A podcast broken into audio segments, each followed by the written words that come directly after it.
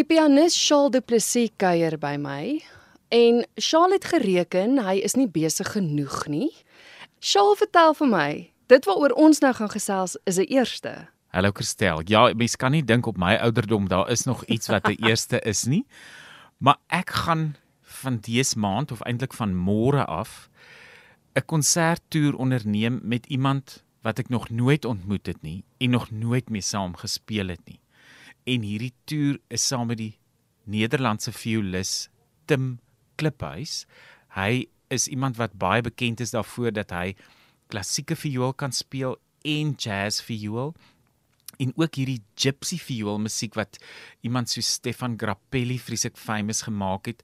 Hy's 'n meesterlike improviseerder en komponis en ons gaan vir die eerste keer saam speel. Hy sou in 20 20 na Suid-Afrika toe gekom het vir 'n konsert saam met my en dit het toe nooit gebeur nie. So ek sien vreeslik daarna uit en en nou moet jy jou voorstel hoe berei mens nou voor vir so iets. Uh dis so bietjie soos om te leer dans met iemand wat nie by jou is nie. So jy oefen maar jou stappies op jou eie en uh, kyk 'n video van hoe die dans gaan lyk as jy saam speel of so iets. Maar dis dis nou 'n eksperiment in vertroue en geloof oor 'n lang afstand. Was jy verveeld? Is dit hoekom jy besluit het om dit te doen? nee, ek speel meestal konserte vir die geld. Ek uh, is nie daar vir enige ander redes nie. nee, dis 'n artistieke uitdaging en en dis so lekker om al is dit aan die ander kant van die aardbol iemand raak te loop wat presies soos ek met een voet in die wêreld van klassieke musiek leef en een voet in die wêreld van jazzmusiek. So ek en Tim gaan 10 konserte net ek en hy deur Suid-Afrika speel waar ons dorpe soos Sasolburg, Stellenbosch, Somerset Wes, Kaapstad, Johannesburg, Pretoria, Oudtshoorn, ons is in Mosselbaai in ek kan nie daai nuwe uitspraak van PE regkry nie. Jy sal geoefen daarmee en in Potchefstroom. So eh, die luisteraars eh, in al hierdie plekke kan na 'n konsert kom luister waar ons musiek van Bach of vier seisoene van Vivaldi en 'n paar jazz goed tussenin speel, maar nie ek of hy weet presies hoe dit gaan klink nie. Ons het 2 dae om alles voor te berei. Jy sê jy ken hom nie. Hoe het julle dan by mekaar uitgekom? So ek het by die Woordfees gespeel. Ek dink dit was 5 jaar terug en die een aand by 'n restaurant gesit. En toe sien ek iemand wat ek herken en ek kon nie besef is dit iemand vir wie ek geld skuld of is dit iemand wat ek al op 'n poster gesien het nie. En nou sien ek maar die man kyk vir my ook en toe besef ek dit is geld. En toe stap hy nader en sê ek sal te plesier en toe sê ek maar jy Tim Kliphuis toe sê hy ja en toe skud ek sy hand en dit was al.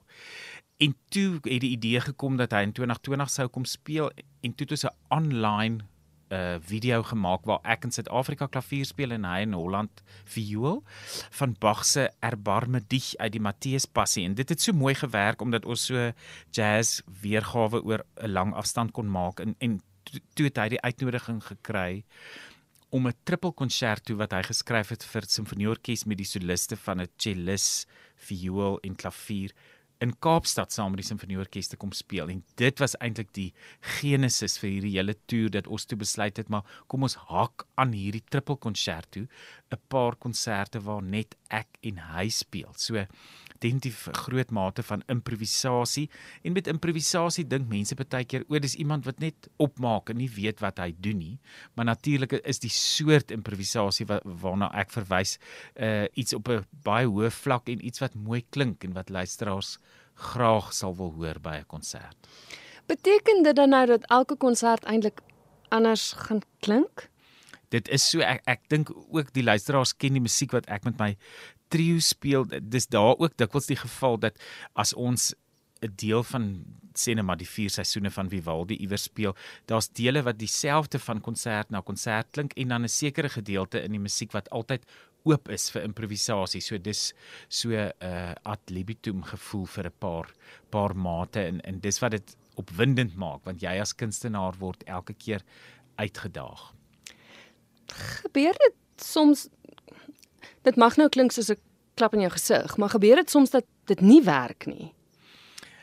Ek dink daar is kere wat die improvisasie vir jou as improviseerder lekkerder voel of meer vloeiend voorkom as ander kere, maar dan as jy na die tyd van buite af daarna luister, is dit heeltemal anders. Jy weet 'n mens bak baie keer 'n koek en dan dink jy ag hierdie het nou nie so sukses uitgekom nie en dan is dit die een waarvan die gaste die meeste hou.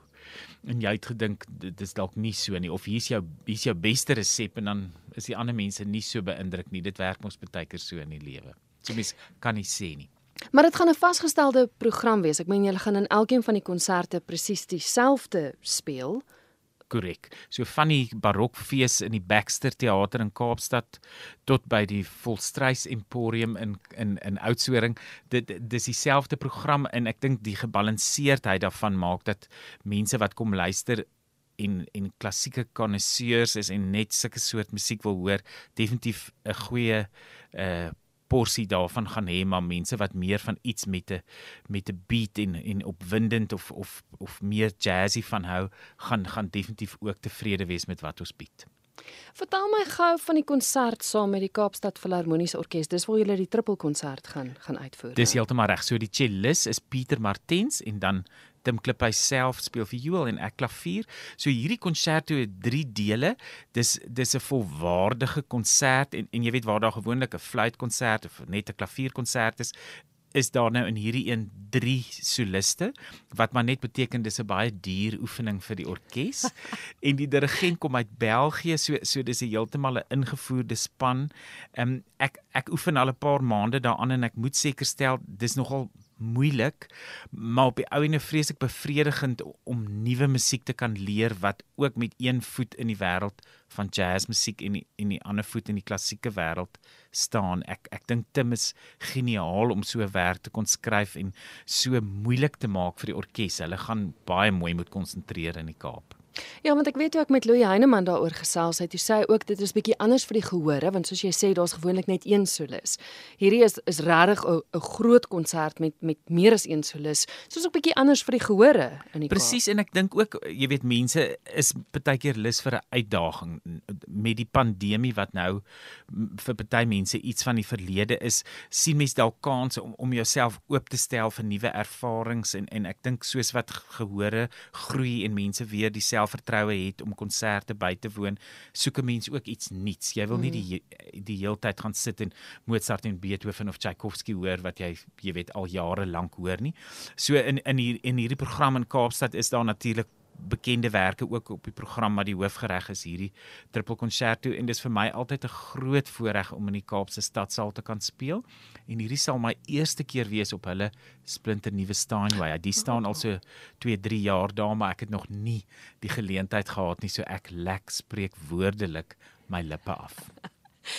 Ek wil tog vir die luisteraars vra skuif dagboeke nader want ek wil hê jy moet gou-gou net vir ons deur die program gaan.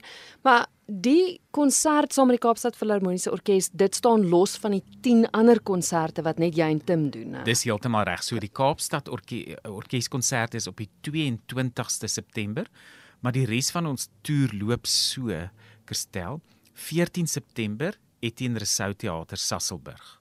18 September Old Nectar in Stellenbosch, dis ongelukkig reeds uitverkoop. 23 September speel ons by Genwas Culinary Club in die Lawrenceford Estate daar in Somerset Wes. 24 September in die Baxter 25 eh, September het ons twee konserte, die oggend by Glen Shield in Johannesburg en die aand by die Atterbury Theater in Pretoria. 27 September die Cape Karoo Emporium in Oudtshoorn, 28 September die Dias Museum in Mosselbaai, 29 September die Universiteit Nelson Mandela Universiteit in Port Elizabeth en dan 2 Oktober is ons by die Konservatorium saal in Potchefstroom as deel van Aardklop. So laaste vraag. Jy het nou nou gesê jy oefen hard aan die trippelkonsert wat jy doen. Jy het soveel in die lewe al bereik meen jy Charles Du Plessis? Moet jy nog steeds elke dag 'n sekere hoeveelheid ure op sy sit om te oefen? Ja, mens moet ek maak altyd die vergelyking met tennis of met ander sport. Jy weet, uh uh iemand soos Nadal of Djokovic kan nie dink o, ag ek het al Wimbledon gewen, ek hoef nie nou verder te oefen nie. Dit is eenvoudig maar deel van 'n mens se daaglikse uh rotine en en ek dink dit wys ook jou respek vir dit wat jy mee besig is en jou respek vir die gehoor want ek dink 'n pianis of 'n musikus wat dink ag ek hoef nie te oefen nie het 'n ander uitstraling van energie op 'n verhoog as iemand wat met met oorgawe en 'n sekere nederigheid of 'n besef van waarmee jy besig is, gaan sit en speel en net jou beste probeer gee vir mense. So as ek nie oefen nie, dink ek sal ek so gespanne wees, ek sal nie drie note na mekaar kan speel nie. Wat gebeur nou soos as jy 'n toer het, want dan jy uit die aard van die saak baie min by die huis hoe oefen jy dan?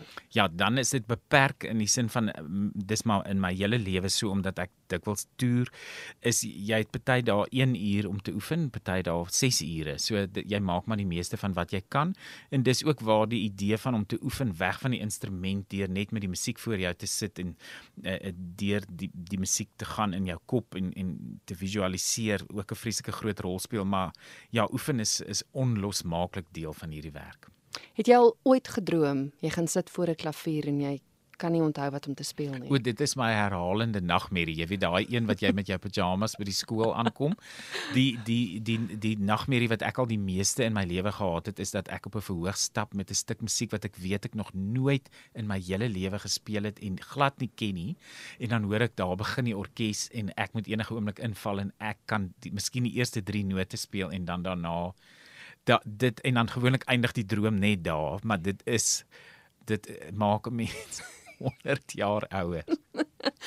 Jy het nou die hele toerprogram vir ons gegee. Hoe maak luisteraars as hulle net weer wil gaan kyk presies waar wanneer jy is? Die maklikste is om op sosiale media te kyk of by my webwerf shaalduplisie.com of ook by timkliphuis.com en dan kan hulle sien hoe 'n grand wonderlike en fantastiese musikus Tim Kliphuis is.